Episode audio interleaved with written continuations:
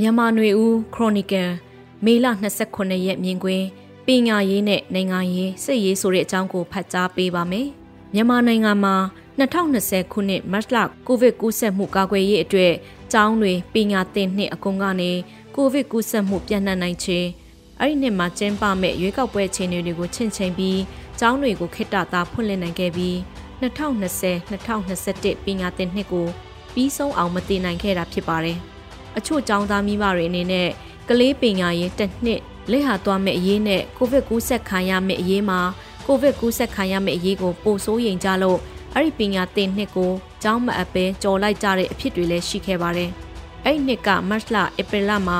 အရေးအတွက်မများတဲ့ကိုဗစ်ကူးစက်မှုတစ်ကြိမ်ဩဂတ်လကနေအောက်တိုဘာနိုဝင်ဘာထိကူးစက်မှုတစ်ကြိမ်ဖြစ်ပွားခဲ့ပြီးမြန်မာနိုင်ငံကကျောင်းသားအများစုရဲ့ပညာရေးကတစ်နှစ်နောက်ကျခဲ့တာဖြစ်ပါတယ်။ ကိုဗစ်ကူးစက်မှုထက်ဆိုးရွားတဲ့နိုင်ငံရေးကပ်ရောဂါစစ်အာဏာသိမ်းမှုကဖေဖော်ဝါရီလတရက်နေ့မှာဖြစ်ပွားပြီးနောက်မှာတော့2021ခုနှစ်မှာ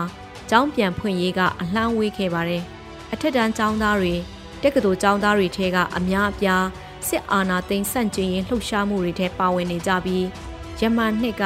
စာတင်နှစ်ပြန်စမဲ့ရာသီဇွန်လလိုကာလမှာ ကိုဗစ်ကူးစက်မှုအနေနဲ့လည်းမြင့်မားနေသလိုစစ်အာဏာသိမ်းမှုဆန့်ကျင်ရေးလှုပ်ရှားမှုအရှိန်ကလည်းမြင့်တက်နေစေမို့ကျောင်းဖွင့်ဖို့စက်ကောင်စီစ조사မှုတွေကမအောင်မြင်ခဲ့ပါဘူး။အခုနှစ်မှာတော့စစ်အာဏာသိမ်းမှုဆန့်ကျင်ရေးနဲ့ Federal Democracy တော်လှန်ရေးကနေ့ချင်းညချင်းအောင်ပွဲရဖို့ထက်အချိန်တစ်ခုကြာမြင့်နိုင်နေဆိုတော့အရေးအယောင်မျိုးကြောင့်ကျောင်းဖွင့်ရသည်မှာကျောင်းအပ်မဲ့မိဘအရေးအတွက်များပြားလာတာတွေ့ရပါတယ်။ ကျောင်းမတက်ဖို့စီယုံပြောဆိုကြသူတွေရဲ့ဘက်ကအကြောင်းတွေကစစ်အာဏာရှင်စနစ်အောက်ကပညာရေးကစစ်ကြုံပညာရေးဒီမိုကရေစီပညာရေးမဟုတ်ဘူးဆိုတဲ့အချက်ကအထင်ရှားဆုံးစောတကဖြစ်ပါတယ်။နောက်တခြားချက်တွေမှာတော့ပြည်내နဲ့တိုင်းဒေသအများပြားကကြေးရွာတွေမြို့တွေမှာစစ်ပေးကပြေးနေရှောင်းနေအသက်တွေဆုံးရှုံးနေကြရတဲ့အခြေအနေမှာမြို့ပေါ်ကသို့မဟုတ်လက်နက်ကင်ပြိပခမြဖြစ်ပွားတဲ့ဒေသတွေက ကျောင်းသားလူငယ်တွေအနေနဲ့ကျောင်းတက်ခြင်းဖြင့်စစ်ကောင်စီကိုအတိအမှတ်ပြုရမရောက်ဘူးလားဆိုတဲ့အချက်ဖြစ်ပါတယ်။နောက်တစ်ချက်ကတော့ကျောင်းဆရာဆရာမပညာရေးမှူးတွေစတဲ့ဝန်ထမ်းတွေအများပြားက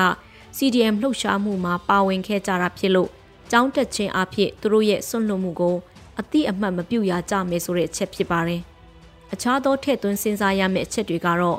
မကြာခဏကျောင်းတွေအရှိမှာအနီးနားမှာဘုံတွေပောက်ကွဲနေတာကြောင့် ចောင်းသားလူငယ်လူရွယ်တွေရဲ့လုံခြုံရေးဆိုတဲ့အချက်ဖြစ်ပါတယ်။ဘုံတွေပောက်ကွဲမှုတွေကဘယ်သူတွေလှုပ်ဆောင်နေဆိုတာတိတိပပမပြောနိုင်ပဲအများအားဖြင့်လက်တယ်မပေါ်တဲ့ဖောက်ခွဲမှုတွေဖြစ်ပါတယ်။အခြားတစ်ဖက်မှာနှစ်နှစ်နီးပါးစာမတင်ကြားနိုင်လို့သားသမီးတွေစာသင်ယူလို့တဲ့စိတ်လျှော့ပါသွားပြီးဂိမ်းလိုအခြားသောကလေးနဲ့မတင်တော့တဲ့စိတ်ဝင်စားမှုတစ်ခုခုစီရောက်ပြီးစိတ်လေလွန်သွားမဲ့အရေးစစ်ကောင်စီကြောင်းမဟုတ်တဲ့ ပုတ်ကလစ်ကကြောင်းတွေထားဖို့ရာငွေကြေးမတက်နိုင်တာအွန်လိုင်းကစေတနာဝန်ထမ်းတင် जा ပေးတဲ့ကျောင်းသင်ခန်းစာတွေလေးလာသင်ယူဖို့ကွန်ပျူတာအင်တာနက်မိဘရဲ့စောင့်ကြည့်ကူညီမှုစတာတွေမဖြည့်ဆည်းနိုင်တဲ့အနေအထားမျိုးမှာအခုစစ်ကောင်စီကဖွင့်လှစ်တဲ့အကြောင်းကိုပဲထားရမယ့်ရွေးချယ်မှုမျိုးလည်းရှိနေကြတာဖြစ်ပါတယ်။ကလေးသူငယ်ခွင့်ရေးရှုထောင့်ကကြည့်ရင်ကလေးသူငယ်တွေရဲ့ပညာသင်ယူခွင့်ဟာမွေးရပါအခွင့်အရေးဖြစ်ပြီး မိဘတွေနဲ့လူမှုအတိုင်းဝန်းကတတ်နိုင်သမျှကူညီဖေးမှရပါမယ်။ကလေးသူငယ်တွေအနေနဲ့မိမိတို့ဘာသာဆုံးဖြတ်နိုင်တဲ့ဗဟုတုတအတွေ့အကြုံမရှိသေးချိန်မှာမိဘအုပ်ထိန်သူက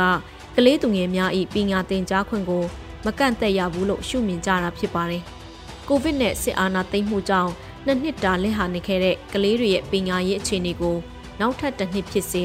နှစ်နှစ်ဖြစ်စေထပ်ပြီးမလဲဟာစေချင်ကြတဲ့မိဘတွေလည်းအများပြားရှိတာဖြစ်ပါတယ်။ တော်လှန်ရေးအတွင်ဓာတ်ရိုက်ဖြစ်စေတွေ့ဝဲဖြစ်စေပါဝင်နေတဲ့အတိုင်းဝဲများ၏ရွေးချယ်မှုကတစ်မျိုးဖြစ်ပြီးတော်လှန်ရေးနဲ့နိုင်ငံရေးတိုက်ပွဲတွေ၏ပြင်ပကပြည်သက်တွေမထိဆက်တဲ့အတိုင်းဝဲတွေသဘောထားကလည်းနောက်တစ်မျိုးဖြစ်နေတာကိုလက်ခံရပါမယ်။ပင်ငါရေးကနိုင်ငံရေးနဲ့ဆက်ဆက်နေသလားလို့မေးရင်ဆက်ဆက်နေတယ်လို့ဖြေရမှာဖြစ်ပြီးပင်ငါရေးရဲ့အကြောင်းအရာဖြစ်တဲ့အတက်ပင်ငါတွေသင်ခန်းစာတွေကတော့နိုင်ငံရေးအားလုံးလွှမ်းမိုးထားတာမဟုတ်ပဲ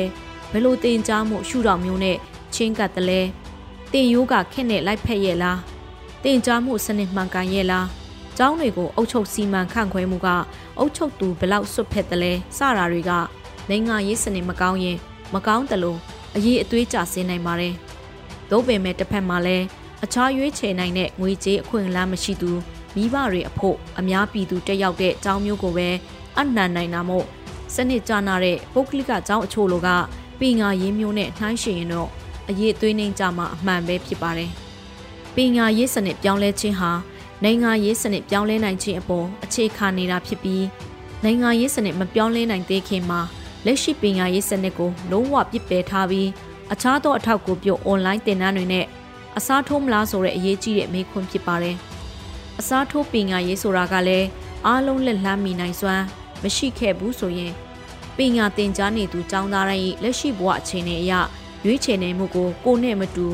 ကိုရန်သူလူထုတ်ပြန်တာကလည်းစီယုံရင်းနီးနာရှူတောင်ကနေပြန်ဆင်ချင်သင့်ပါတယ်။တိုင်းသားနဲ့အချို့သောမြန်မာနိုင်ငံအလဲပိုင်းလွတ်မြောက်နေမြေတွေမှာကျောင်းတွေဖွင့်လှစ်ထားရှိတဲ့သတင်းတွေလည်းတွေ့ရပါတယ်။တိုင်းသားလက်နက်ကိုင် area ကကျောင်းတွေက